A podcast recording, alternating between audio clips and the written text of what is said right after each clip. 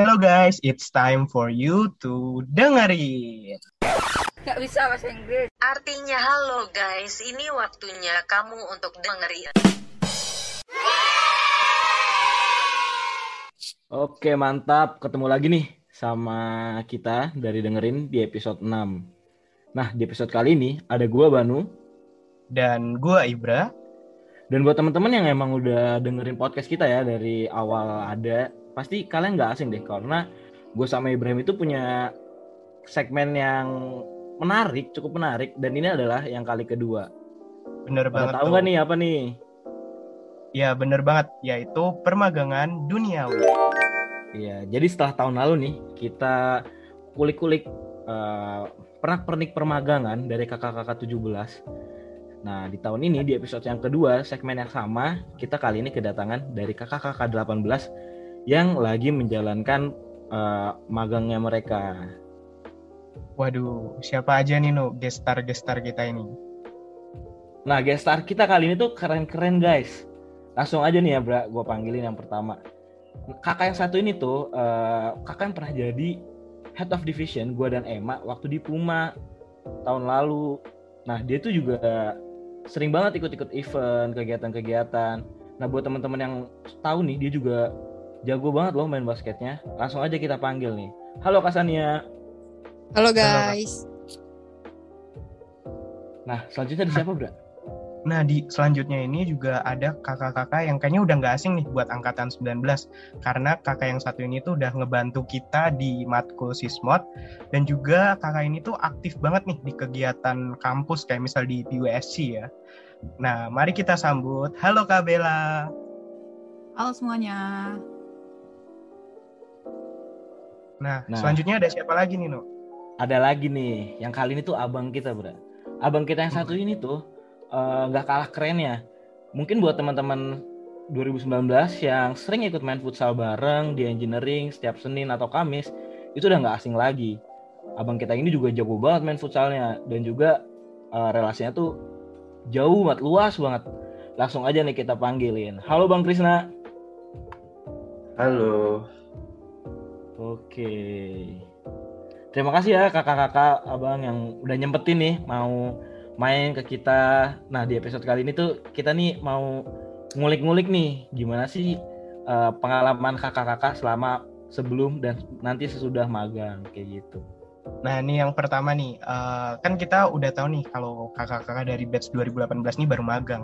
Mungkin boleh kasih tahu ke kita nih Kak, ke sobat-sobat dengerin, eh, kalau kakak-kakak ini sekarang magangnya di mana gitu. Dan mungkin bisa sambil ngasih tahu job desk-nya selama di magang itu apa aja. Mungkin boleh dari Kak Sania dulu. Oke, kalau gue sih kan di kampus kan kita semester 9 wajib magang gitu ya. Nah, kalau Iya, gue betul. kebetulan yang untuk wajib magangnya itu udah kelar. Gue kayak curi start gitu sih. Gue kemarin yang untuk wajib magangnya, pokoknya yang buat nilai di kampus, gue kemarin di karena dari awal gue sebenarnya pengen banget di FMCG, cuman nggak dapet FMCG yang gede-gede banget gitulah. Jadi gue dapetnya di Sinarmas lah. Tapi ya lumayan lah kalau untuk nama Sinarmas gitu kan ya. Ter- di situ gue di procurement sih itu agak melenceng sih sebenarnya dari industri tapi gue di procurement karena procurement itu sebenarnya lebih ke business and communication gitu sih mereka kayak gitu Hmm, guys Kira-kira kalau gue kerjanya ngapain aja sih Kak? Procurement gitu. Kalau procurement itu kan dia sebenarnya masih di ruang lingkupnya SCM kalian udah dapat SCM belum Oh, belum Kak. Habis ini baru dapat SCM. Oh iya, jadi dia dia tuh di ruang lingkupnya SCM sebenarnya. Tapi kalau procurement itu lebih mendetail ke apa hubungan lo sama vendor gitu atau enggak kayak kalau pabrik lo butuh barang apa nanti procurement yang cariin vendornya kayak gitu-gitu sih, lebih kayak gitu. Berhubungan dengan vendor. Oke, mungkin lanjut nih. Kalau misal dari Kak Bella sendiri gimana Kak? Eh, kalau gue, gue lagi magang di Arkstone PTI LTD. Nah, Arkstone tuh apa sih? Pasti jarang yang tahu juga kan. Jadi Arkstone ini adalah manufacturing software company base-nya di Singapura. Jadi dia tuh provide tools buat pabrik biar bisa digitalization dan reach Hmm. objektifnya industri 4.0 gitu. Oh yang pernah adain public lecture bareng IE ya kayak Nah, betul. Iya iya, kayaknya pernah itu. yang zoomnya langsung ditutup kan Iya, iya betul. kalau Kak Bella sendiri di sana tasnya ngapain aja tuh kak selama magang? Um, Oke, jadi role gue di sini jadi operations dan administrative intern. Jadi dari awal kalau gue tuh udah ditanya apa yang mau dipelajarin pas selama magang biar pihak Arkstore-nya tuh bisa provide. Nah, terus gue jawab kalau gue mau belajar development software-nya dan juga gue pengen belajar eh, function-function yang ada di sana biar eh, kita kan sebagai generalis nih di IE jadi biar nyoba gitu satu-satu Em, biar gue tahu juga di mana gue pro-nya terus eh, gara-gara itu gue di sini terlibat di software development di mining company plastic packaging terus tugas gue yang lain itu ada cari potential client, translate document, terus eh, ada project onboarding juga sama anak-anak intern di Singapura. Terus juga eh, gue seneng banget kemarin tuh gue habis diamanahin buat ngelit business development project Arkstone di Indonesia gitu.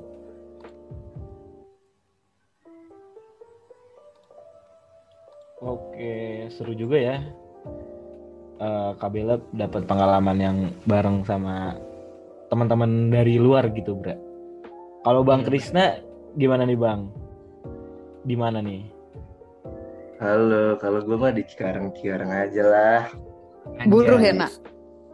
Ih, buru, bis- buru sih enggak. Tapi eh, ibaratnya ya, ya gitulah pokoknya. gue di PT Printek Perkasa 2 ya di Jababeka Cikarang ya. Eh, jadi PT Printek Perkasa 2 tuh eh, dia perusahaan percetakan atau printing lebih tepatnya ke packaging sih yang apa customernya dari lokal dan apa internasional. Tapi banyak kan internasional. Eh, di internasional eh, customer yang paling eh, paling utama sih ini target supermarket USA udah gitu aja. Oh, kalau ininya, Bang, kayak eh, posisinya di departemen apa gitu, Bang? Oh oh iya iya. Kalau di Printek gue di bagian quality quality assurance ngapain aja tuh, Bang? di bagian quality assurance gue buat weekly report perusahaan terus gue buat eh, sekarang sih lagi buat MCP gitu aja. Kalau MCP itu kayak manufacturing control plan tuh kayak lo jelasin dari kayak raw material sampai eh, sampai barang jadi lah tapi dijelasin satu-satu. Prosesnya dijelasin barangnya apa raw materialnya dijelasin semua dijelasin dari awal sampai akhir sih terus sebelum Lumayan buat. MCP itu lo buat NPOF namanya nanti lo belajar dah di semester 8 nanti ketemu oke gitu aja dulu ya Ya, udah menggunakan bahasa yang aneh-aneh nih, Bra. Iya, tahu. Iyalah, Krisna calon cum laude. Anjay. Ops. IPK 2,8 kumlot apaan ya guys? Ah. Anjir. Wah, keren-keren banget sih ya, Bra ya. Eh, kakak kita ini apa ya bisa dibilang unik-unik lah ya pengalamannya juga beda-beda nih bakal ngerasainnya. Nah, kan di masa-masa yang kayak gini nih yang kalau mungkin di episode pertama permagangan duniawi itu kakak-kakak 17 itu baru pertama-tama pandemi. Nah, kalau sekarang nih ini kan pandemi lagi yang baru apa ya kayak booming lagi gitu loh. Jadi kayak makin parah dan sebagainya. Itu ketika kakak-kakak sedang proses mencari tempat magang itu tuh ada kendala nggak sih? Kapan sih kita tuh biasanya mulai nyari tempat magang? Mungkin Hmm. bisa dari siapa ya? Eh, Kasania deh, Kasania boleh. Oke, kalau gue tuh karena ngelihat dengan kata 2017 tuh gue ikut panik kan. Eh, Bella, Bella lu dari kapan Bel? Dari Desember gak sih? Kalau gue panik banget, anjir gue dari Desember Iya, iya, lebay bener. banget paniknya. Ya kan, kit- Iya. eh, gue sama Bella tuh kayak udah jauh gitu. Tapi gue di Desember tuh kayak apply-apply aja iseng gitu loh lewat job ads kayak Glints apa segala macem. Terus tapi gue mulai ngirim email itu di akhir Januari, awal awal Februari gitulah. Pokoknya gue mulai mulai kirim email tuh kayak ke Matel, terus habis itu ke perusahaan-perusahaan lain gue nyari-nyari tuh di LinkedIn gitu kan. Kayak bahkan sampai nge-DM DM-in gitu di LinkedIn ya nggak sih Bel? Kalau kalau gue gue suka cerita juga sih ke Bella kayak dem demin pokoknya orang-orang HR di LinkedIn kayak gitu-gitu. Karena gue panik kan takut nggak dapet gitu nggak tak lebih lebih takut nggak tepat waktu gitu sih. Terus ya udah gue kayak kirim email sumpah gue kirim email kayak hampir 150 email ke HR yang berbeda gitu. Terus habis itu itu belum sama gue apply di job ads gitu kayak LinkedIn, Glints, Jobstreet kayak gitu-gitu sih. Itu gue lebay sih. Ya kalau gue gitu sih karena gue takut gitu kan pandemi. Karena kayak uh, manufacturer yang di Cikarang itu kayak waktu itu gue pengen di ini kan. Aduh apa tuh? Gue lupa lagi. Uh, pokok kayak perusahaan apa heavy equipment gitu uh, Komatsu Komatsu Komatsu. Nah oh, cuman terus dia bilang karena pandemi jadi nggak nerima anak intern. Nah dari situ tuh gue panik. Kayak aduh anjir ke mana lagi ya? Ya udah kira gue kayak apply banyak deh pokok ke perusahaan yang bahkan bukan manufacturer atau kayak sedikit melenceng gitu dari jurusan juga ya udah gue apply aja yang penting untuk SKS dulu gitu sih gue kemarin. Wah, berarti kalau kasarnya ini sempat mendapat apa ya penolakan lantaran perusahaannya tuh kayak nggak nerima intern dulu ya kayak ya? karena hmm, bahkan dari email-email banyak yang nggak dibalas juga sih. Hmm. Oke, makasih Kak Tania. Mungkin selanjutnya kita ke Bang Krisna. Kalau dari Bang Krisna gimana Bang? Aduh, kalau lu tahu kalau yang sering nongkrong sama gua, lu tahu sendiri deh gimana sifat gua kan. Pasti gua slow, santai ya kan. Jadi gua tuh udah santai aja magang nih. Palingan gua magang di Jambi kan. Tapi udah ada pegangan, gua di Jambi di Pertamina. Wih di. Tapi ujung-ujungnya pas udah mau masuk dipindah gua ke Palembang. Aduh, gue bilang mesti ongkos lagi mesti ini lagi ini itu ini itu akhirnya gue apply di ini kan di luar lah. Berarti di Pulau Jawa lah ya karena gue kan anak rantau. Iya, iya. gue apply di cuman dua BMW sama Printek di Printek kepak yang dipanggilnya di Printek awalnya. Nunggu tuh sekitar dua minggu. Akhirnya kemanggil bulan Mei kemarin kan. Eh udah kepanggil bulan printek dua bulan kemudian dipanggil IBM ya udah gue sekarang di printek anjay. Selanjutnya kalau dari Kabela gimana nih kak? Ada pengalamannya nih? Uh, jujur yang tadi Sani ngomongin bener gue udah panik banget. Jadi gue dari Desember udah nyari-nyari uh, gue tuh tinggal di Bekasi ya tapi gue tuh nggak tahu PT apa aja yang ada di Bekasi. Walaupun Jababeka segede gitu gue taunya kayak cuman yang terkenal aja gitu. Terus ya udahlah akhirnya gue nekat waktu itu muter-muter nyari PT apa aja sih yang di Jababeka biar nyari opportunity sebanyak-banyaknya kan. Terus juga karena ini online gue cari lewat LinkedIn lewat uh, website-website lainnya. Terus uh, Januari itu pertama-tama gue dapet offer di uh, lubricant manufacturer di Jababeka. Tapi dia mintanya cepet di awal semester 8 nah semester 8 itu kan uh, berat banget nah gue tuh nggak dikasih sama keluarga gue buat magang duluan terus uh,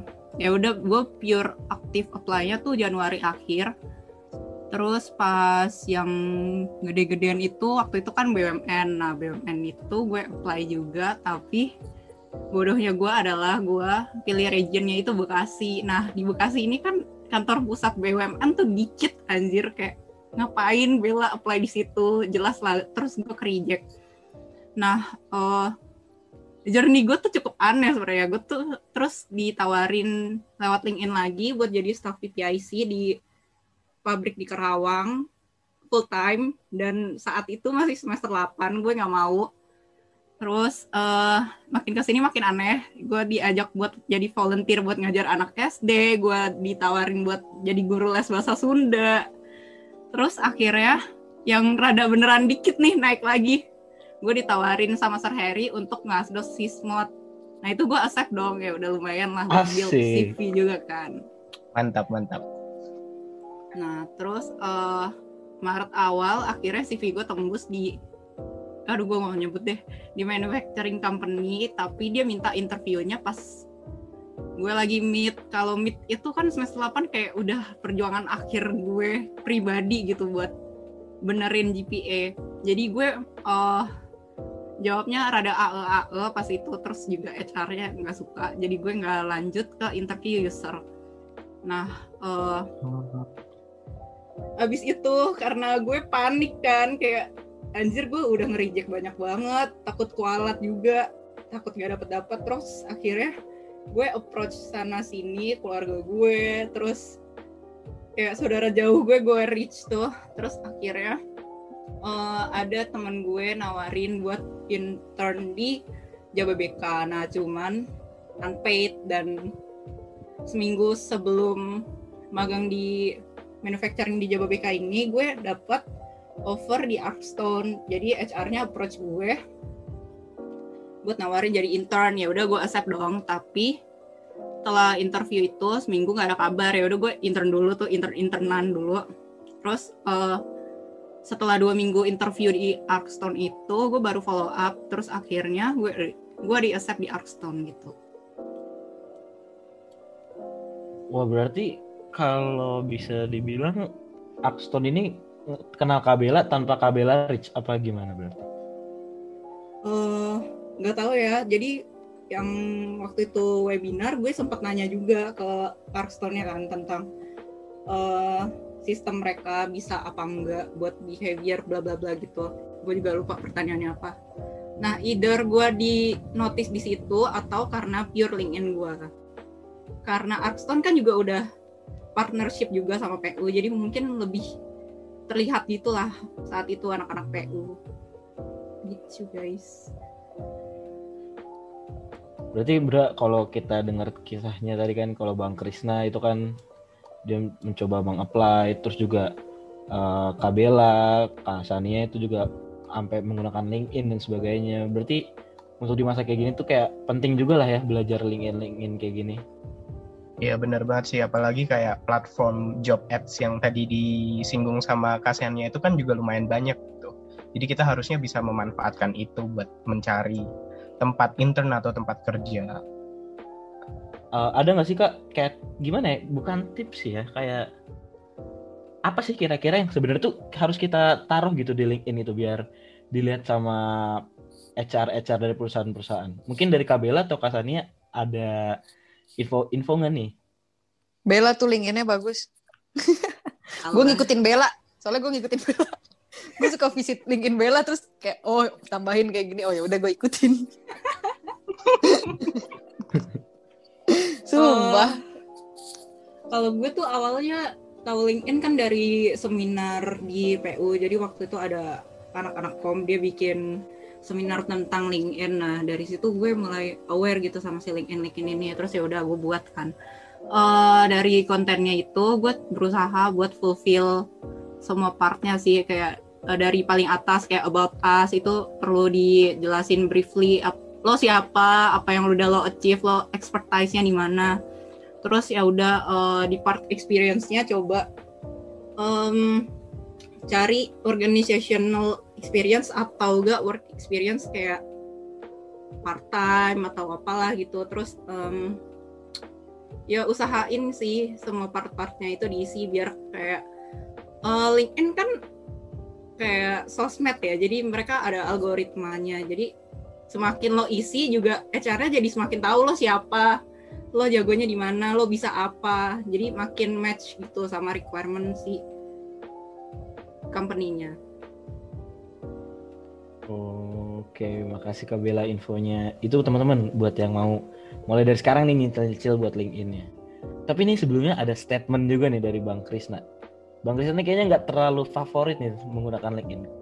Kalau menurut lu gimana Bang? Apa sih yang harus kita iniin buat mempermudah kita mencari magang? Ada tips nggak Bang? Aduh, Nongkrong, sih, Bang, nongkrong, nongkrong. Ya nggak nak? nggak, Enggak kan, ibaratnya kan kita kita kan butuh ini Bang, butuh alternatif Bang. Gak semua kan pengen ngejar LinkedIn juga gitu. gue bukan bilang LinkedIn tuh bukan berarti nggak perlu ya. LinkedIn tuh perlu. Pasti gue juga dicek LinkedIn gue. Tapi yang paling penting menurut gue tuh ya relasi alumni lo. Gue juga masuk dari Printek tuh tahu dari alumni, bukan dari LinkedIn. Dari LinkedIn gak ada yang gue apply sama sekali. Gue lebih percaya relasi kalau gue. Itu doang sih kalau gue. Soalnya apa lebih terpercaya aja menurut gue. Tapi menurut gue bener sih Krisna yang ngomong kayak um, tapi lebih kayak ke rezeki orang gitu aja sih. Kalau gue sih kemarin kayak nyari intern tuh uh, gue usaha dulu kan. Kayak ya udahlah pokoknya gue play play play. Tapi intinya kalau seandainya worst case-nya gue nggak dapet gitu ya dengan cara gue yang apply apply kayak gitu, ujung-ujungnya gue relasi sih. Emang bakal Iya. balik lagi ke relasi. Kayak Bella pun awalnya juga kayak dia nge-reach out lagi kan sepupu jauh keluarga jauhnya apa segala macam kayak gitu. Karena eventually tuh kayak lu pak akhirnya bakal nyari relasi lagi kalau seandainya lu udah bener-bener buntu gitu. Pada Iya. akhirnya kita balik ke network-network yang kita punya lagi. ya. Bener. Bener. Karena Iya. kalaupun lu cari tempat magang kayak apalagi di Cikarang ya, skupnya kan kecil tuh dan universitasnya tuh ya PU PU lagi atau enggak ada yang apa sih itu yang deket flyover itu. Bangsa. Tapi- Mm, tapi kan yang kayaknya yang lebih ini kan kayaknya PU ya. Dan nanti kalau lu ke, ke apa nyari magang di sekitar situ ketemunya pasti anak PU lagi kayak eh, oh ada kakak ini nih di sini nih. Ntar lu pasti harus nanya ke dia kayak gitu atau minta tanya kayak lowongan ada nggak kak buat intern apa segala macam kayak gitu. Mm-mm. Mungkin kalau LinkedIn itu media sosialnya, di media nyatanya kita pakai relasi kita gitu nggak sih guys? LinkedIn lebih ke CV, Enggak sih, CV lu yang gua. mudah dilihat aja nggak sih? Uh-uh. CV online. Ibaratnya Iya. CV, iya CV online dia cuma ngecek aja kalau di LinkedIn tuh. Ah, gue. background checking. Benar Ya. kata Krisna. Yang menentukan lah ini interview lu udah. bener bener. Lu interview lu A E A E A E ya udah nggak bakal diterima, sumpah. Pokoknya lu interview nih nggak tahu lu jawab apa, pokoknya lu babas aja terus. iya serius, jangan Iya, jangan iya, sa- nggak, jangan bener, diem. Nggak serius nih. Bener. Lu jangan lu jangan diem, jangan jangan berapa detik lu diem atau lu mikir atau lu, lu a, a, a, a. nggak nggak boleh, lu terabas terus pokoknya. Jangan sampai diem. Bener sumpah. Terabas Lu terus. marketing marketing diri sendiri ya nggak sih? Kayak lu masarin Iya. diri lu sendiri Iya gitu. benar. Heeh. Heeh, jangan sampai lu diam. Pokoknya lu harus ngomong. Kalaupun terus. lu kalaupun lu nggak tahu jawabannya kayak ya lu nggak jangan ngarang yang bodoh banget gitu lah seenggaknya Iya. masih nyambung gitu lu ngomongnya gitu kayak ya udah lu Ibaratnya lu ngarang-ngarang storytelling di situ, Iya, storytelling bener. lu. Storytelling. Jangan lu ah, Yang mm, ah, mm, be ah, yourself mm. gitu ya. Udah. mm-mm. Iya. Terus juga apa ya? Gue nggak nyalain lu kuliah pulang kuliah pulang kuliah pulang tapi kuliah nongkrong lebih asik sumpah anjay banget kuliah nongkrong lebih asik relasi lebih asik ya guys oke next Oh. ya kalau nggak nongkrong juga ikut-ikut event lah seenggaknya kan lu bakal kenal orang juga dari situ Iya, gue tuh. Eh, boleh nambahin satu nggak buat lu anak 19-20 yang mau magang? Boleh, boleh kak. gini gini pesan dari Bang TJ 2015 dia bilang gini kalian tuh harus lebih inilah Excelnya. Excelnya lebih du- dikuasai ya. Excel. Ya sama Memanas tuh banyak tuh pakai Excel. Excel. sumpah. gue sumpah gue nyesel belajar Memanas gue tidur doang sumpah. Pakai semua di quality gue sumpah. Sumpah. Terus lu gimana tuh nak? Apa ya? belajar lagi? Belajar lagi ulang? Gue gue untungnya san di Printek nih mas banyak sih. Eh, kakak-kakak kita di Printek ada Bang TJ, Kak Rara, terus ada Kak Valen, kemarin ada Kak Lin, sekarang udah lagi masuk Kak Sepita, Bang Tegar, Suhada. Jadi ibaratnya kalau gue susah tuh ada teman kan, jadi ada supportnya juga. Jadi kalau misalnya ngulang dari awal pun gue nggak masalah. Jadi santai-santai aja di Printek. Gitu Hmm. Oke. ya belajar lagi san ujungnya san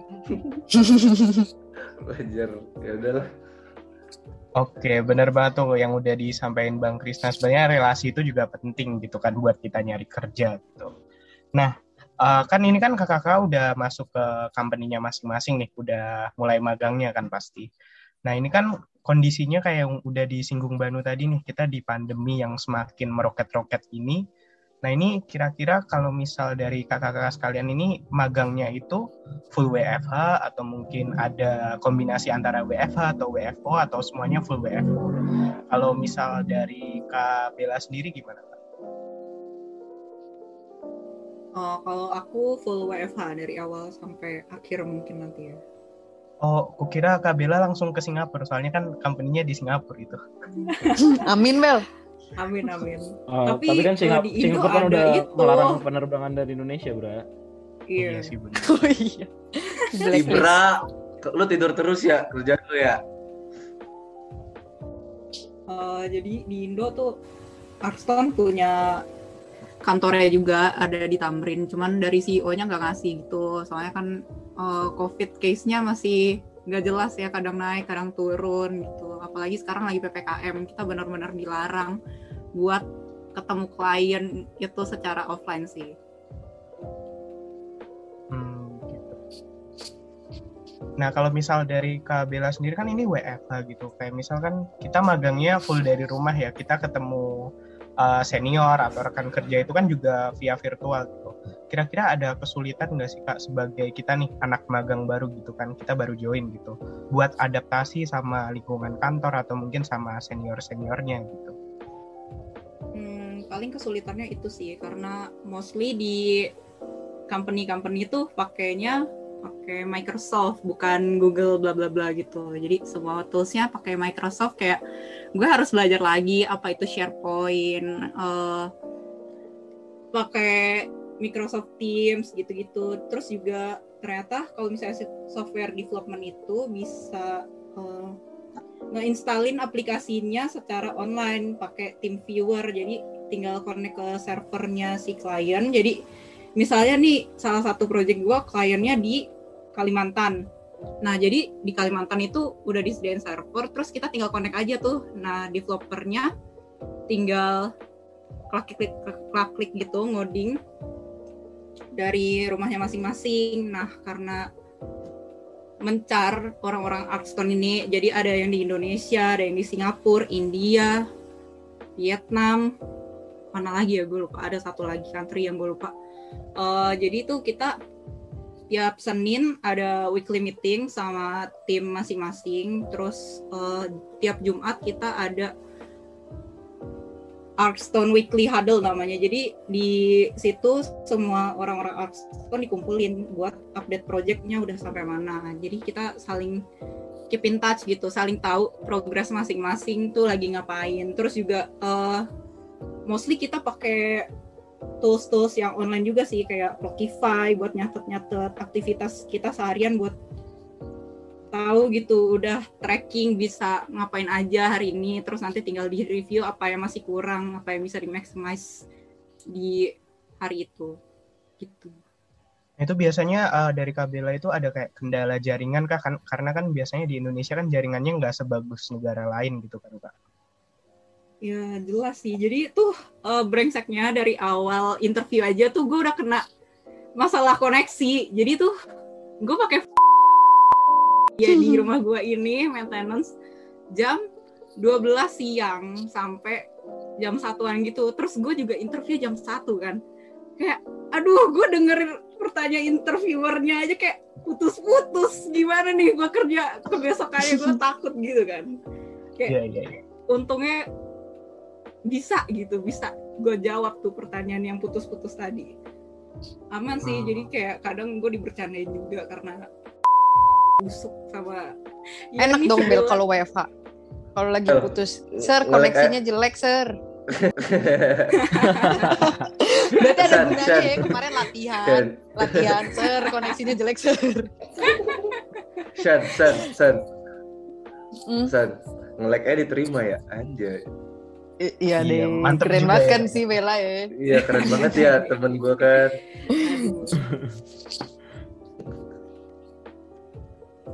Kalau itu dari Kabela nih. Kalau dari Bang Krisna gimana Bang? Apakah Bang, langsung WFH? eh, guys ya. Saya Eh, WFO. kan WFO ya Bang ya? Iya, saya WFO karena saya perusahaan manufaktur. Coba cerita dong Krisna, Nah, WFO Nah terus di masa dan pandemi kayak gini, iya di masa Oh. pandemi gini gimana Bang situasinya di kan di pabrik? Kemarin tuh ah jadi gini. kemarin juga gua udah kena juga, kena Covid juga kemarin. Oh, Berapa tanggal 21 berapa? Bro? 21 Juni tuh kena Covid, baru masuk lagi tanggal 5 Juli.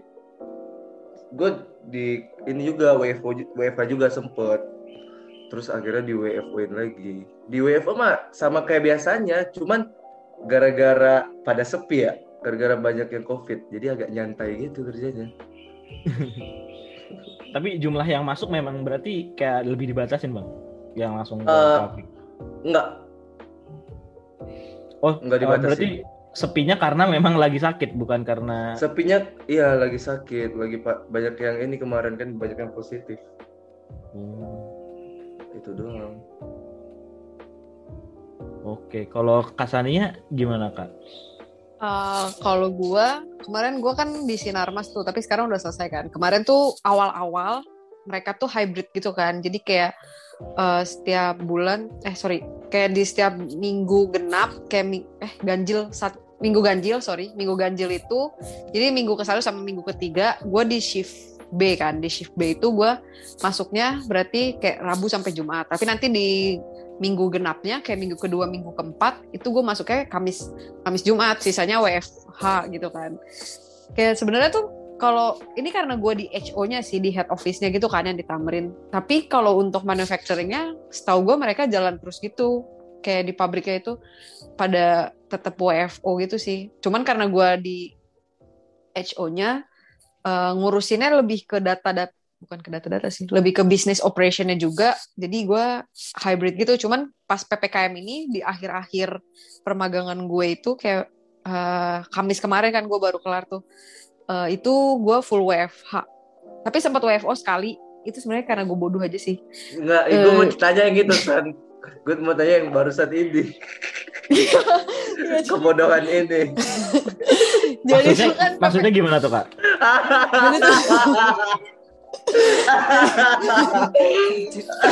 Jadi tuh, minggu lalu minggu lalu tuh eh, apa? gue tuh jadwal apa minggu lalu tuh kayak eh, case-nya naik gitu kan. Belum ada PPKM nih, belum ada PPKM. Nah, terus eh, pas hari eh, jadi tuh di minggu lalu tuh gue jadwal masuk hari eh, Rabu sampai Jumat kan, Rabu sampai Jumat. Nah, terus teman-teman gue tuh yang di Senin Selasa udah pada masuk kan. Nah, PPKM-nya tuh baru di hari Rabu. Eh, terus kan di email tuh ada masuk kayak email surat jalan izin jalan gitulah kalau pengen ke kantor gitu kan. Udah nih gue download. Terus jam 11 tuh eh, supervisor gue yang direct supervisor bilang kayak eh, San lu besok masuk ya urusin ini dong tolong ke bagian IT bla bla bla gitulah. Terus ya udah nih. Tapi jam 4 sore kayak head supervisornya jadi kayak supervisornya supervisor gue itu eh, apa bilang di grup gede gitu kan dia bilang kayak besok kita shift B semuanya WFH ya.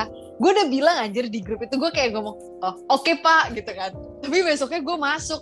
Pas gue masuk gue bingung ini kok pada nggak ada orang ya? Kenapa gue cuman berdua? Taunya harusnya gue WFH anjir gue udah masuk. Dan terus gue gue tuh baru taunya gue harusnya WFH itu baru nyadarnya pas jam 2 siang. Kayak gue nggak apa nge WhatsApp eh, supervisor gue kan. "Eh, Pak item ini dari vendor ini gini gini. Gini pokoknya gue ngomongin ma- masalah kerjaan lah gitu. Terus itu dia nanya dong "Eh, lu on? Soalnya kan eh, apa sebelumnya tuh gue lupa jelasin sih. Kayak gue kalau WFH itu kayak sharing sharing account gitu sama supervisor gue untuk eh, ganti-gantian eh, apa sih namanya? Online gitulah online ke desktop gitu kayak connection ke desktop desktop di kantor gitulah ya kalau lu nggak ngerti pokoknya kayak gitu. Nah terus habis itu gue nanya kan ke supervisor gue "Eh, gini gini gini terus dia nanya loh San yang lagi on kan gue dia bilang gitu kan. Kok lu bisa on? Terus saya kan di kantor pak. Dia bilang ah lu ngapain di kantor lu kan WF hari ini. Lah kemarin kan kata bapak saya suruh gini apa suruh WF WFO gitu kan. Terus dia, dia bilang kan Pak Kemarin bilang di grup besar kalau misalkan lu WFH terus pas gue baca oh ya anjing terus gue bilang gini ya pak pantesan aja dari tadi saya cuma berdua di kantor. Terus dia bilang gini yaudah lu pulang pulang pulang ngapain anjir lu WFO kayak gitu. Gue bodoh banget anjir padahal gue harusnya bisa santai-santai di rumah tadi gue WFO Bodoh. Kak, itu pertanyaannya kan lu berdua kak, itu sama siapa kak? Berdua, jadi- ah. Nggak, jadi jadi tuh ada satu lagi gue bilang kan eh iya pak. Saya dari pagi cuma berdua sama eh, pak itu kan gue bilang gitu. Sama terus eh, supervisor gue juga bilang gini wah gila ngapain juga tuh dia masuk? Soalnya tuh kadang kalau WFH itu tuh servernya suka ngedown gitu loh. Jadi kayak suka reconnect reconnect itu mungkin si bapak yang satu lagi ini kayak mungkin kalau dari rumah dia ini apa namanya eh, rese gitu reconnect reconnect. Dia dari pagi tuh gue denger kayak nelponin vendor mulu tiap tiap saat gitu. Mungkin dia lagi banyak kerjaan makanya dia WFO gitu. Gue udah siapin kertas kan emang jalanan sepi banget anjir. Jalanan ditutup gitu kan. Cuman gue naik motor kan. Jadi eh, pas di jalan Tamrinnya itu harusnya nggak bisa ke kanan kan masuk jalan Tamrin. Dari arah Tanah Abang terus eh, tapi kayak barikade itunya tuh kebuka kecil gitu kayak motor masih bisa masuk. Jadi ya udah gue masuk tuh udah nyiapin surat dia suratnya dia bawa bokap gue kalau bokap gue ketahan di jalan. Sampai kantor kok sepi gitu ya dari pagi. Soalnya kan shiftnya itu kan sebenarnya walaupun udah dibagi dua shift tapi dalam satu shift itu ada kebagi lagi gitu loh. Ada yang masuk pagi ada yang masuk ada yang masuk mulainya pagi ada yang masuk mulainya jam setengah sepuluh gitu kan. Terus gue mikir oh mungkin nanti yang cici-cici ini baru pada dateng jam setengah sepuluh gitu kan. Terus pas jam setengah se- pas udah mau istirahat gue baru sadar kok gak ada yang dateng? Anjir sepi banget nih kantor. Soalnya gue harusnya WFH anjir gara-gara gara-gara di lantai gue ada yang covid. Unik juga ini. Kayak gitulah bodoh banget anjir. Nah, tadi kan eh, dari kakak-kakaknya udah sharing-sharing lah ya di perusahaannya tuh ngapain aja, kerjanya ngapain aja.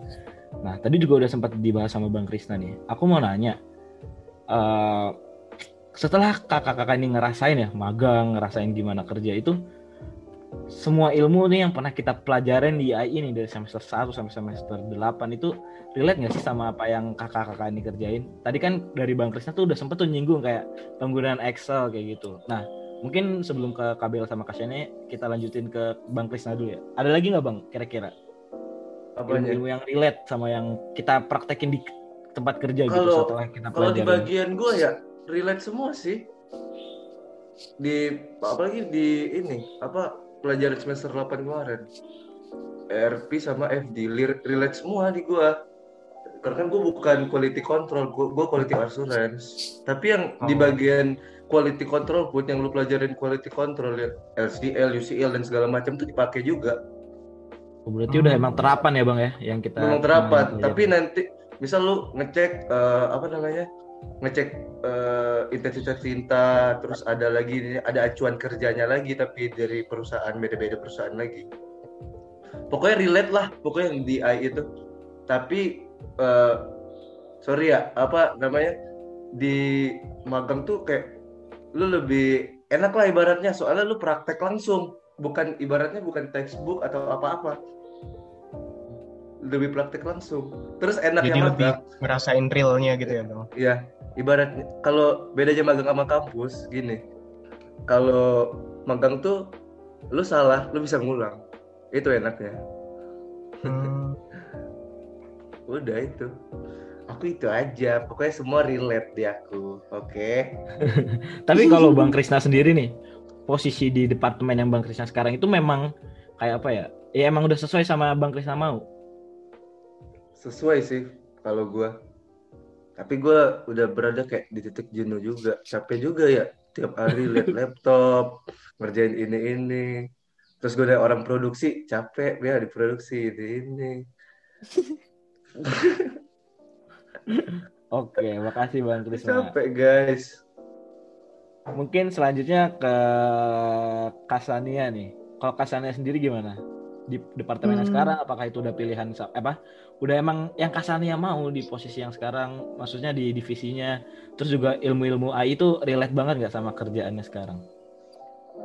Kalau gue pribadi tuh sebenarnya gue tuh pengen bangetnya SCM gitu kan, supply chain management. Cuman eh, jarang gitu perusahaan yang buka SCM, tapi yang kayak simpel-simpel aja lah jalur jalur seleksinya gitu. Kayak ada tapi perusahaan besar kayak Mondelez, terus L'Oreal kayak gitu-gitu, gue sering pernah coba kan, cuman gak lolos.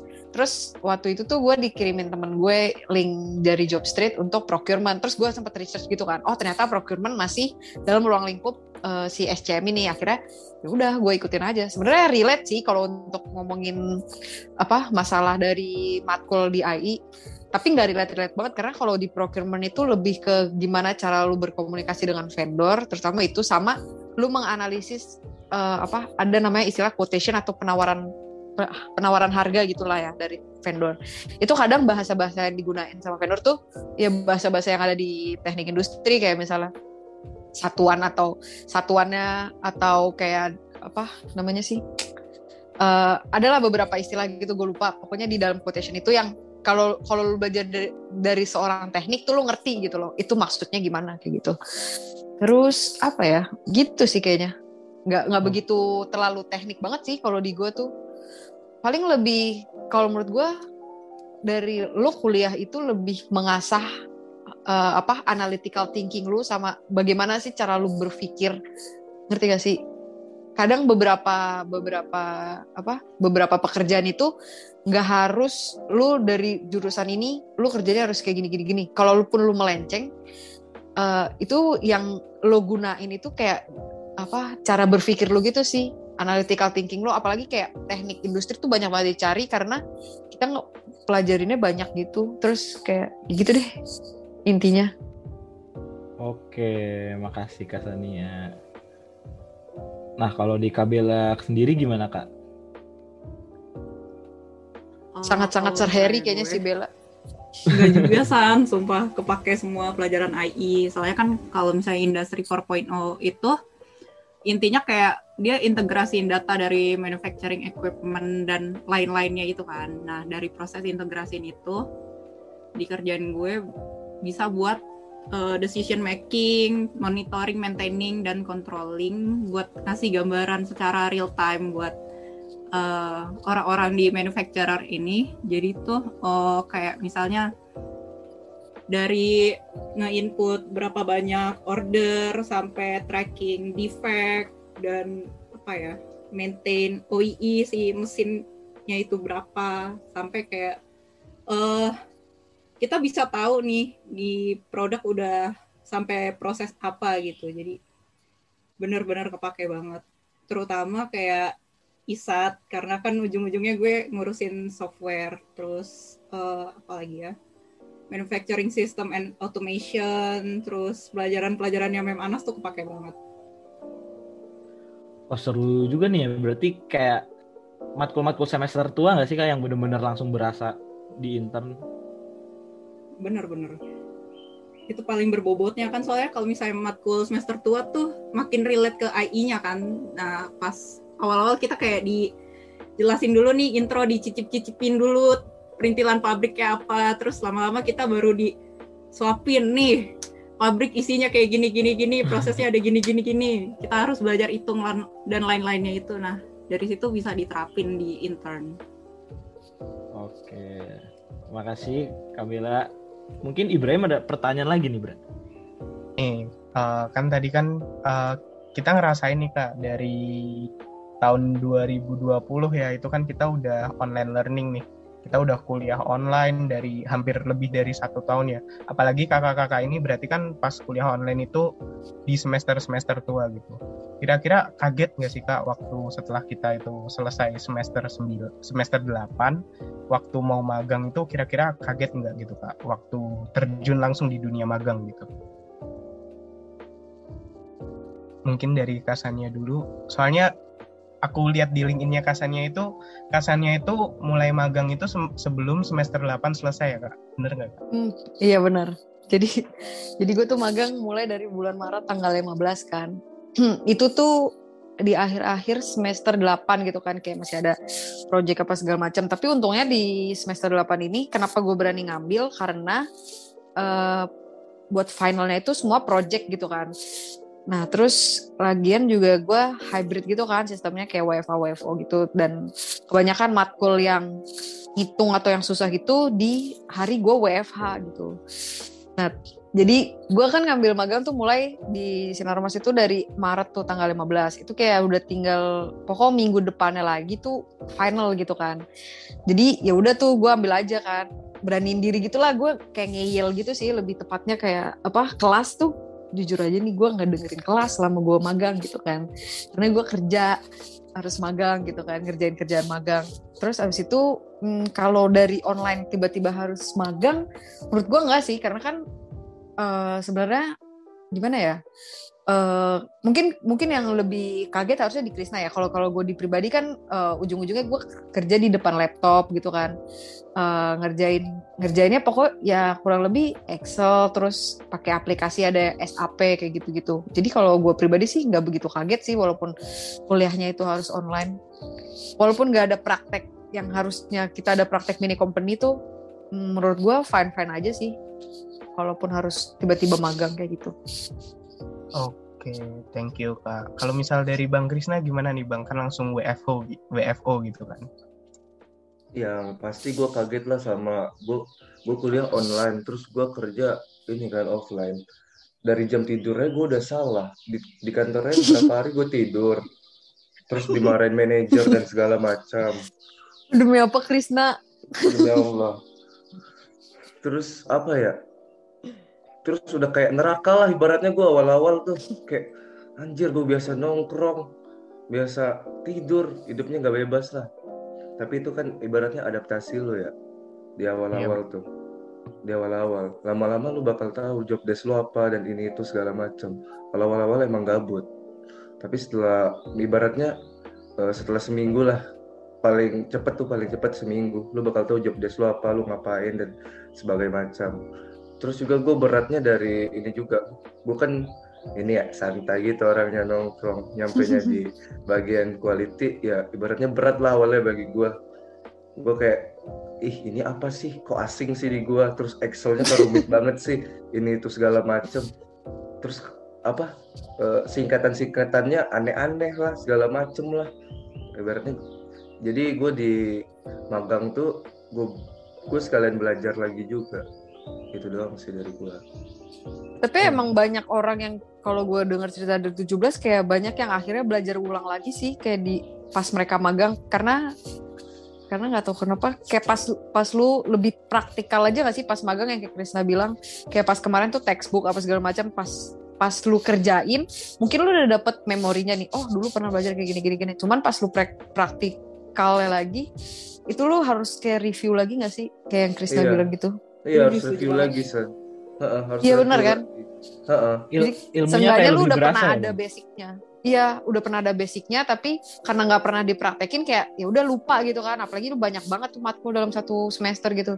Berarti kayak banyak ilmu-ilmu yang harus kita recall kembali gitu kan buat dalam praktikal kita di magang gitu. Eh, Kalau terus di magang juga ibaratnya di magang nih nggak semua yang lu pelajarin di kampus tuh ada loh Iya iya, setuju, tuh. setuju banget. nggak semua yang ada. Malah gue merasa anjir gue banyak banget nih dapet pelajaran di magang cara ngomong terus juga pelajaran. Semuanya gue dapet kayak di magang ya lebih seru aja Oh, menurut gue benar, benar. magang daripada kampus. Sorry guys ya. Serius tapi ini. Udah.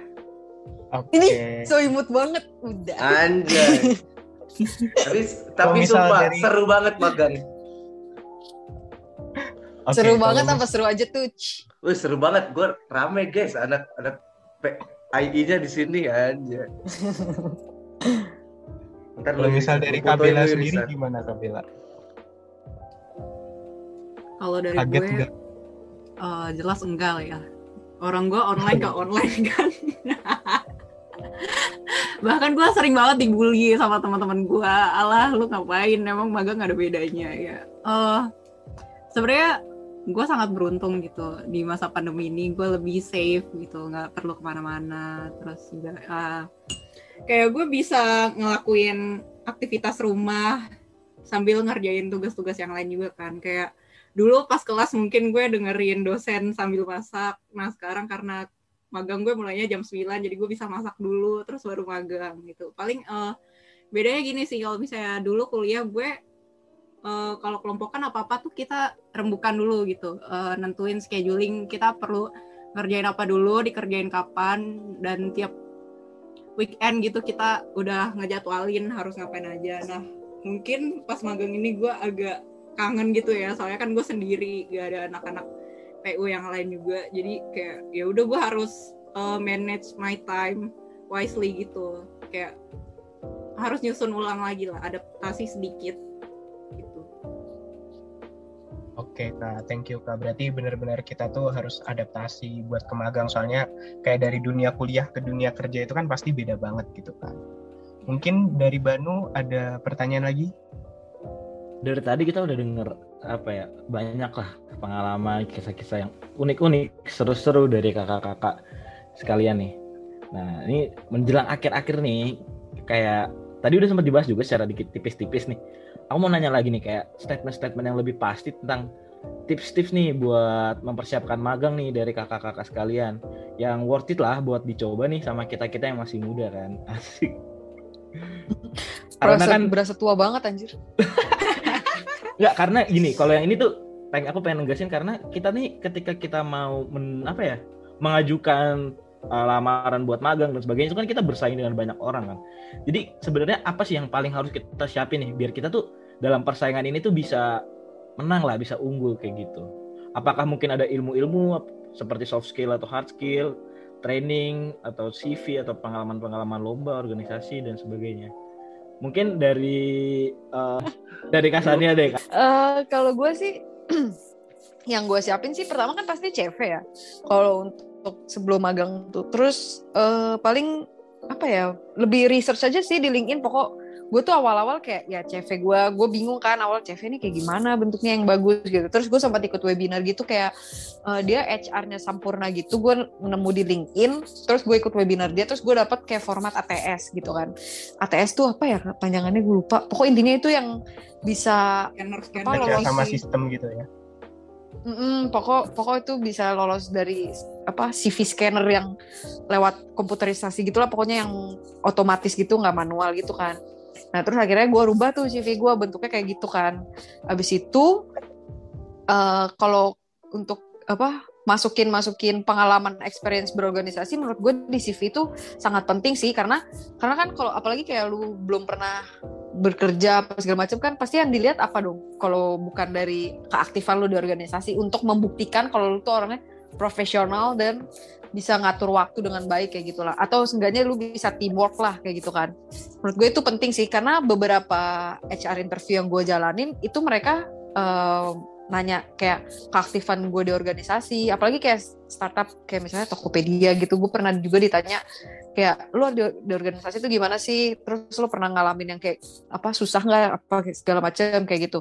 Bahkan kayak nggak startup aja sih kayak misalnya gue pernah L'Oreal mereka suruh bikin video tentang pengalaman berorganisasi lo kayak gitu.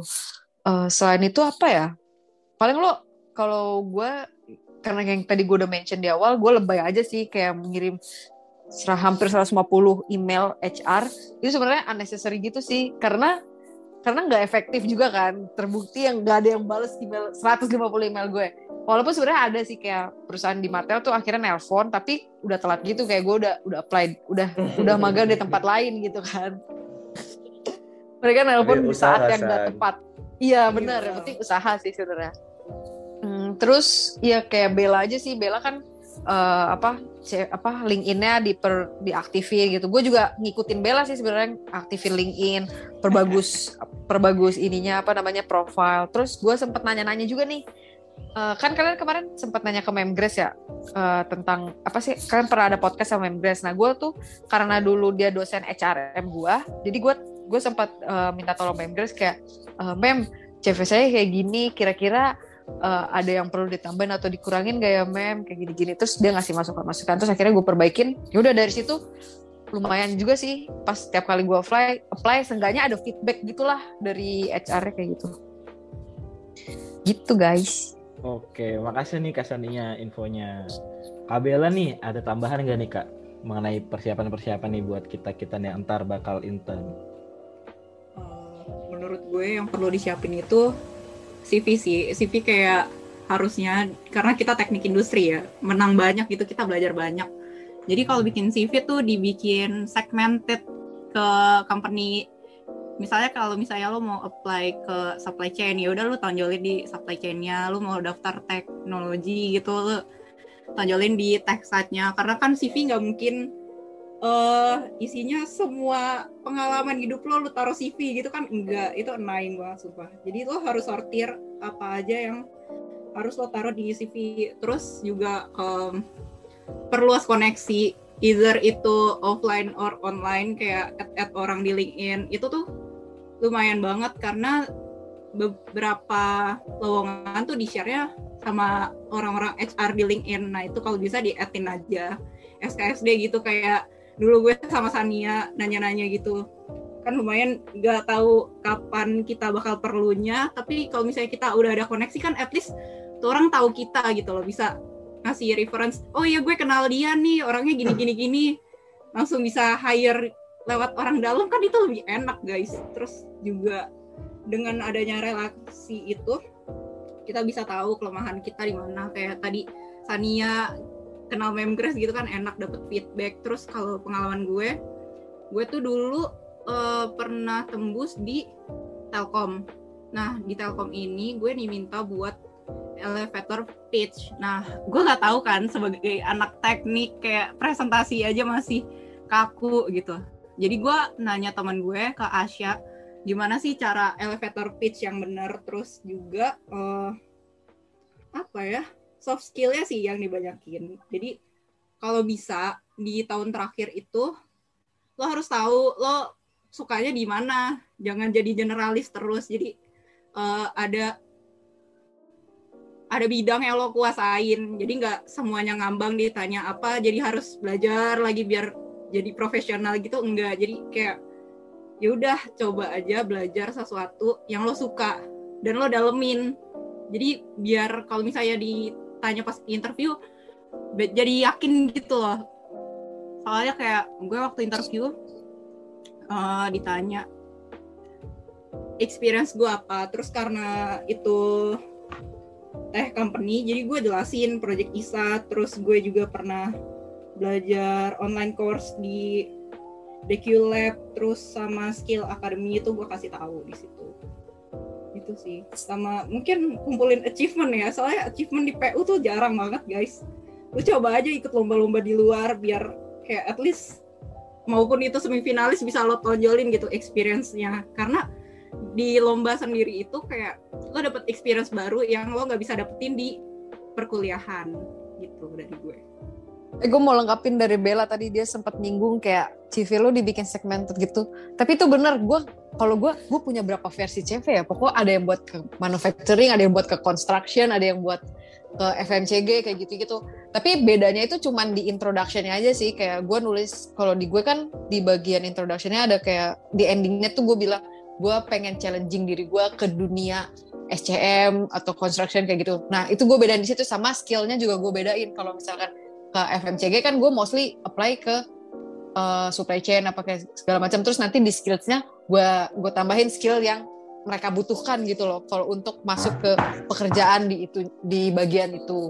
Bener sih terus kayak yang Bella bilang juga uh, apa di semester ini tuh lo tentuin lo pengen punya karir di bidang apa di bagian apa. Kalau gue sih uh, karena gue emang pengen SCM juga ya udah akhirnya gue ny lebih nyari ke bagian yang di apa divisi-divisi yang di situ-situ aja walaupun gue nggak menutup kemungkinan gue apply juga ke divisi lain karena untuk ya cadangan lah gitu kurang lebih Oke, gitu, makasih nih Kabela dan Kasania infonya.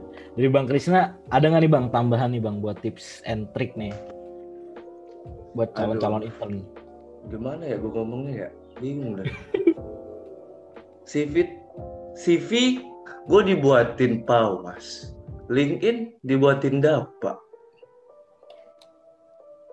Gue tetap relasi gue. Soalnya kalau tetap relasi, gue di sini relasi lumayan. Di Jambi pun lumayan. Jadi ibaratnya gue kan pernah badminton nasional kan ya. Jadi gue sering main sama kayak bos-bos PT gitu. Jadi gue kalau misalkan mau magang pun di Jambi ada, di Batam pun ada perusahaan shipping. Jadi gue kalau perbankan ini makanya gue santai-santai aja karena gue kayak banyak cadangan lah ibaratnya bukan gue apa ya. Gitu. Gue tetap relasi kalau gue oh relasi nomor satu kalau Krisna ya. Mungkin iya. kalau bang Krisna yang bisa karena gue karena gue ada fokusnya loh. Ada yang bisa gue ini apa banggakan ibaratnya. Dari badminton gue disponsorin sama mereka terus ya udah lu masuk PT gue aja. Ntar gini, jadi gue santai aja permagangan nih tapi ngomong-ngomong gue udah bayar kosan ya udahlah di Cikarang. Hmm. Mungkin Tapi ya dari kalau gua Krisna, ngeliat dari selain Krisna- relasi, selain relasi tuh ya tadi ya bang ya, yang dari interviewnya ya bang ya. Iya interview sih paling ini. Soalnya lu dipanggil, interview lu jelek, belum tentu lu masuk kalau gue ya. Oke, makasih banyak nih. Kenapa, San? Enggak tadi ta- tapi kalau kalau menurut gue si Krisna tuh apa lu nggak bisa terlalu ini ke relasi sih cuman karena Krisna itu dia punya lebihnya banyak gitu gak sih takutnya nih ada yang anak 19 atau 20 kayak oh, Iya. itu relasi gini gini gini Gue tuh Tapi jelasinnya Krisna tuh- susah san, jelasinnya susah Iya, iya, gua. iya. Nah jelas. Oke Krisna jelasin, walaupun selengean selengean kayak gini ya akademis dia tuh sangat amat lumayan tau otaknya tuh jalan ngerti gak sih jadi jadi kalau dia bilang relasi kayak gini gini gini mungkin emang jalannya dia relasi cuman dari sisi lainnya pun dia ada plusnya gitu menurut gue Iya bener juga sih. Emang nggak bisa kita apa ya? Generalisir langsung semua bisa praktekin emang- gitu bang. Gue Maksudnya. emang ada harus satu nih, satu pelajaran aja. Lu harus fokusin banget. Gak semuanya lu harus bisa, cuman satu aja. Satu matkul nih, lu fokusin banget. Itu yang paling lu suka nih. Misal nih matkul yang paling lu suka. Udah lu fokusin aja, terus lu cari magangnya yang ada pelajaran itu. Kalau gue sih itu. Hmm, Ah, ini apa? Oke. Terus ini jangan milih-milih dah pokoknya. milih-milih gimana nih bang? Misalnya lu pengen PT inilah, PT itu, PT itu. Ujungnya nggak keterima akhirnya. Aduh, yang mana aja lah gua. Yang penting gua dapet magang. Iya bener Iya, sumpah. Jangan itu sampai bisa lu- dari awal juga pasti sih. gitu Jangan sampai lu nyeselnya di akhir. Gak enak anjing. Tebar Yang aja menyesal tuh emang di opportunity akhir. lo. Jangan sampai kehilangan opportunity cuma Iya. gara-gara ah gue nggak mau daftar ah nanti gini gini Eh. gini gini. Ya nggak Eh. tahu kan nanti jalaninnya Iya. gimana itu belakangan. Oh, bener. Gue lebih milih gini, lu jalanin dulu magang di PT-PT biasa, tapi lu sekalian apply juga. hmm, di bener bener bener bagus. bener banget tuh Krisna Gue saraninnya gitu, dari gue gitu. Thank you guys. Oke, makasih banyak nih eh Kak Sania, Kak Bella, dan Bang Krisna buat info-info tips-tipsnya nih. Tadi yang pertanyaan-pertanyaan yang rada-rada serius sih udah lah ya. Mungkin selanjutnya kita ada pertanyaan-pertanyaan trivia nih yang ya nggak terlalu berat banget. Mungkin pertanyaan pertama nih dari Ibra, Bra. Ada pertanyaan apa Nah, nih? ini mungkin sobat-sobat dengerin tuh kayak banyak banget kepo. Pasti kalau nggak masalah cara apply magang atau apa, pasti ada ujung-ujungnya. eh, kira-kira kalau kita magang tuh kita dapat uang saku nggak sih? Nah, kalau dari kakak-kakak sendiri nih, dari tiga perusahaan yang beda itu dapat uang saku atau enggak nih kak? Sebe- dapet sih, tapi janganlah mikirin uang. Lu magangnya udah mikirin uang, gimana ujungnya? Betul, tapi betul. bener sih bener-bener kayak Jadi, kalau gue pribadi Lu uang saku awalnya- tuh bonus aja, bonus. Mm-mm. Bonus Bener, lu bonus. sudah sebulan capek-capek, udah. Jangan lu mikirin magang ngincer duit. Duh, percuma. Lu nggak bakal dapat apa-apa. Bener. Bener, Gue juga awalnya gitu sih, nggak nggak nggak terlalu ngelihat eh, oh yang di sini dibayar, oh di sini enggak kayak gitu. Tapi ya itu wajar lah manusiawi nggak sih kalau Iya, kalau- manusiawi. Tapi itu kan di, Uang. menurut gua ya, nggak tahu menurut Bella, Sania gimana itu menurut gua.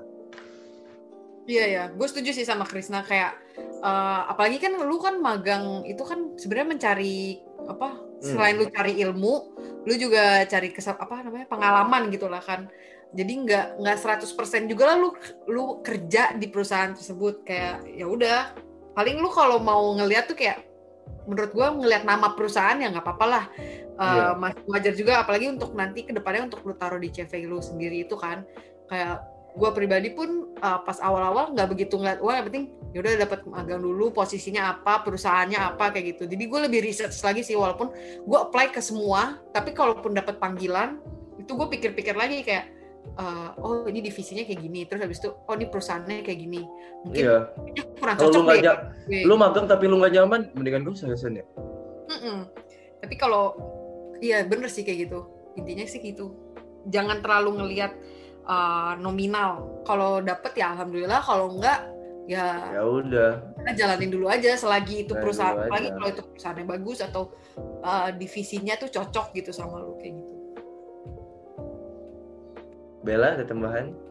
Ah, ada ada.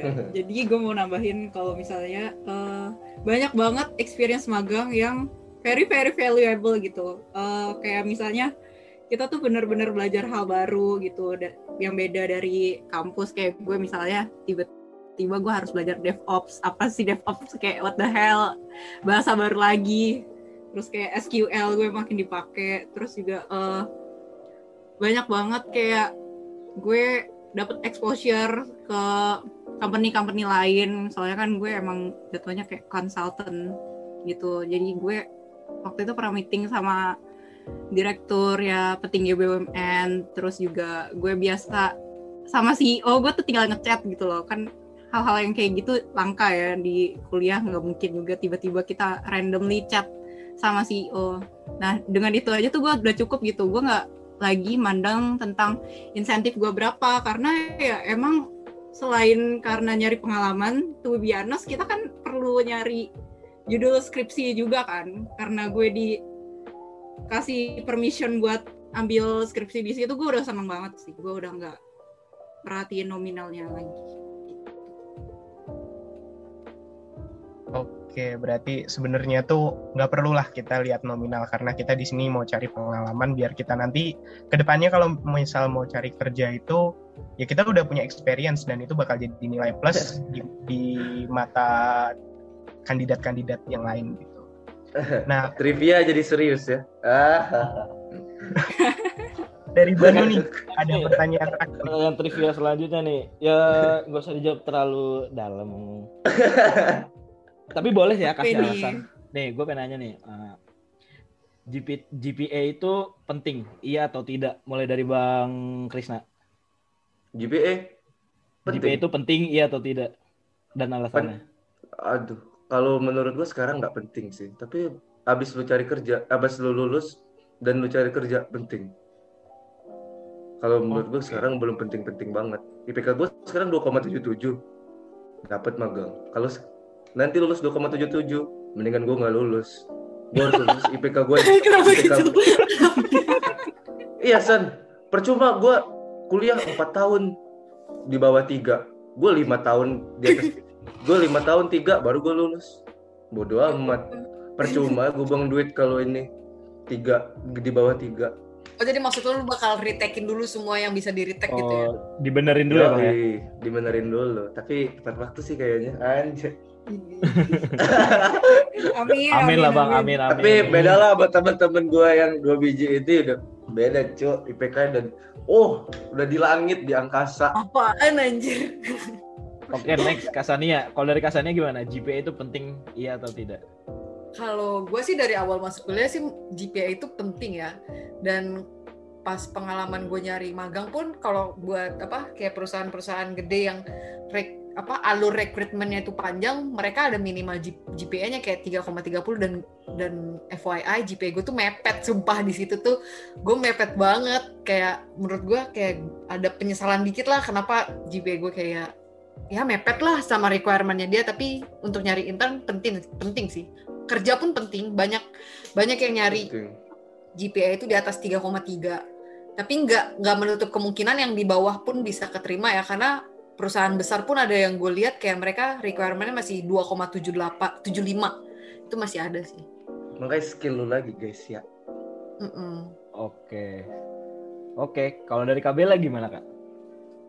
Penting banget lah GPA tuh kayak menurut gue pribadi ya. Itu bentuk pertanggungjawaban lo terhadap apa yang lo jalani selama kuliah. Kayak oke lah Oke. kita bisa ngelakuin aktivitas lain di kampus. Tapi kan ujung-ujungnya goalsnya apa sih buat belajar gitu kan? Biar lo dapet ijazah. Nah yang, di, yang lo pajang di ijazah itu kan yang bakal dilihat sama perusahaan. Ibaratnya gini kalau misalnya lo namu ke orang lo pasti bawa tentengan gitu kan either itu jeruk, gorengan,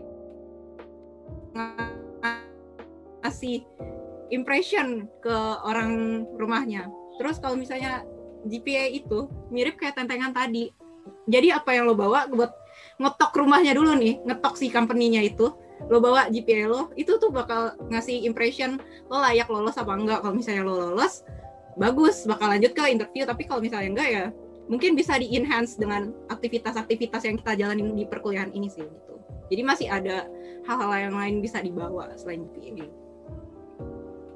Oke, makasih nih jawaban-jawabannya. Keren-keren nih dari Bang Krisna, Kasania, dan Kabela. Gimana nih, Bra? Gak terasa udah lama banget nih kita bercakap-cakap dengan kakak-kakak kita nih. Iya, kayaknya kita udah panjang lebar nih bahas tentang dunia permagangan gitu. Nah, karena itu tadi pertanyaan untuk GPA itu adalah pertanyaan terakhir.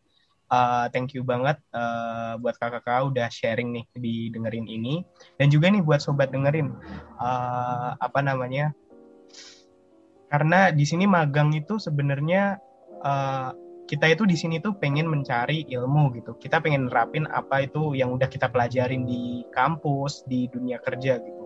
Dan kita jangan semata-mata buat mencari uang saku atau nominal. Karena di sini pengalaman itu uh, harganya itu sangatlah tinggi gitu. Bahkan tak ternilai harganya. Karena kalian kalau mau habis itu cari kerja itu yang pertama di, dicari itu adalah pengalaman kalian gitu. Nah dan juga untuk teman-teman yang apa uh, pengen cari intern. Mungkin relasi itu adalah uh, apa namanya salah satu jalan gitu yang bisa ngasih kita tempat intern. Tapi jangan juga dijadikan sebagai relasi itu jalan utama. Karena uh, kalau kita nggak punya skill, kalau kita nggak punya kompetensi yang baik, dan kita masuk ke suatu perusahaan dengan relasi, uh, sama aja kita kayak membebani uh, orang yang kita jadikan relasi di perusahaan itu tersebut kayak gitu. Mungkin kalau dari Banu ada tambahan lagi? Iya, kalau dari gua sih mendengar kisah-kisah nih. Uh, pengalaman-pengalaman dari kakak-kakak tuh membuat gua apa ya? Ya ketika kita udah sampai di tahap mau intern atau apa tuh baru tuh kita tuh udah saatnya kita mengeluarkan semua yang kita punya yang kita punya relasi ya kita kita kita manfaatkan kita punyanya uh, ilmu apa kita manfaatkan kita punyanya apa kita manfaatkan karena uh, semuanya itu tuh yang udah kita himpun dari awal sejak masuk kuliah gitu jadi nanti ketika kita intern ketika kita nyari kerja itu tuh nanti semua udah jadi bekal-bekal kita gitu nah makanya mumpung kita masih punya waktu nih dari sekarang nih kita apa ya kita maksimalin nih kita tuh pengennya apa, kita tuh mampunya apa, kita tuh punya spesialisasi itu di bidang mana. Mungkin kalau teman-teman yang emang suka nongkrong atau suka main, tuh main futsal, olahraga dan sebagainya, mungkin bisa nih sharing-sharing sama Bang Krisna. Karena memang itulah yang nanti dijadikan uh, apa ya salah satu bekalnya gitu. Kalau teman-teman suka ikut-ikut lomba gitu, mungkin bisa sama Kabela atau sharing-sharing. Karena itu juga jadi bekalnya. Atau kalau emang teman-teman sukanya berkegiatan, event atau apa dan sebagainya, bisa nanti uh, sharing-sharing juga tuh sama Kasania karena itu juga menjadi bekalnya. Intinya di masa kuliah ini tuh kita tuh apa ya mempersiapkan bekal kita tuh dari awal sampai nanti semester 8 lalu semua bekal atau resource yang kita punya tuh udah kita habis-habisan lah buat bersaing sama orang-orang mulai dari intern, mulai dari nanti nyari kerja juga pas fresh graduate. Oke, sebelum kita tutup juga nih, kan pendengar kita tuh luas ya jangkauannya. Terutama buat anak-anak AI mulai yang dari kakak-kakak senior senior alumni terus juga yang batch-batch masih aktif. Lalu juga bahkan nih calon-calon anak AI itu juga biasanya udah mulai stalking stalking AI dari podcast kita. Benar gak tuh Bra? Benar banget tuh. Gue aja dulu juga pas belum jadi maba nih baru keterima di bulan Januari itu gue udah mulai cari-cari tuh tentang AI Fresh Unif Nah, sekarang nih kita mau ngasih kesempatan nih buat kakak-kakak. Siapa tahu kakak-kakak nih mau nitip pesan, entah itu buat teman-teman angkatannya, buat abangnya, atau buat adik-adik tingkatnya, atau buat calon-calonnya anak AI gitu. Ada nggak nih yang mau nitip-nitip salam? Oke, Kak Sania, mau salam-salam nggak nih Kak? Buat hmm, pendengar kita. Salam-salam buat kalau buat angkatan gue, semoga kalian semua lancar internnya kelar reportnya segala macamnya. Pokok tepat waktulah untuk menger mengerjakan perinternan ini. Amin. Amin. Paling kencang pokoknya. Uh, dan kalau buat adik-adik tingkat hmm, paling yang udah dari tadi dibilang aja sih dimention kayak ya udah kalian usahain dulu aja untuk GPA-nya apa segala macam. Terus siapin lagi CV-nya terus bikin prospek ke depannya kalian mau berkarir di bidang apa pengen di perusahaan yang seperti apa. Uh, pengen terus juga yang kayak Bella udah pernah udah bilang kayak uh, pikirin juga jangan lupa skripsinya mau kayak apa report magangnya mau kayak apa sesuaiin lagi sama tempat magang dan divisi magang kayak gitu dari Bang Krisna Bang mau titip salam nggak nih Bang? Uh, gue ini aja lah. Menurut gue apa gue ngikut yang dari saya aja lah sama persis dah kayaknya. Tapi gue cuma nambah gini doang. Yang gue lu apa anak 1920 jangan ngikutin gue banget lah pokoknya gue takut lu pada ini apa nggak keterima. Karena gue nggak tahu gue orang yang beruntung nggak tahu apa. Jadi lu jangan terlalu patokan lah relasi atau segala macem lah. Bener sih kalau lu ada relasi nggak ada skill ya lu buat malu yang di perusahaan bener kata Ibra tadi. Pokoknya jangan lu apa namanya jangan lu terpaku sama relasi lah pokoknya. Udah gitu aja lah gua. Oke bang. takut gue jadinya. Kalau dari Kabela nih, ada ada mau kirim-kirim salam gak nih kak? Yang pertama buat itu sih AI 18 Sumpah semangat banget. Ini tuh kita agak gampang ya anjir tiba-tiba skripsi online apa-apa online kayak harus adaptasi lagi guys. Ayo semangat tinggal bentar lagi. Terus eh, thank you banget buat PSI 2020 udah eh, build mental gue biar lebih oke lagi ke depannya. Udah sih thank you guys. Oke. Ya, kita sudah sampai di penghujung episode kali ini. Ya, thank you Eh, banget kakak-kakak dari BES 18 yang udah menyempatkan waktunya buat hadir di podcast kita kali ini di tengah kesibukan magangnya pasti. Iya, udah mau sharing-sharing ya. Yang pasti semoga apa yang kita perbincangkan hari ini tuh bisa bermanfaat dan juga bisa menjadi insight-insight buat teman-teman sobat dengerin. Oke, jadi eh, cukup sekian dari kami. Gua Ibra. Gua Banu. Stay tune terus di podcast kita and See you on the next episode of Dengerin. Bye-bye. bye-bye.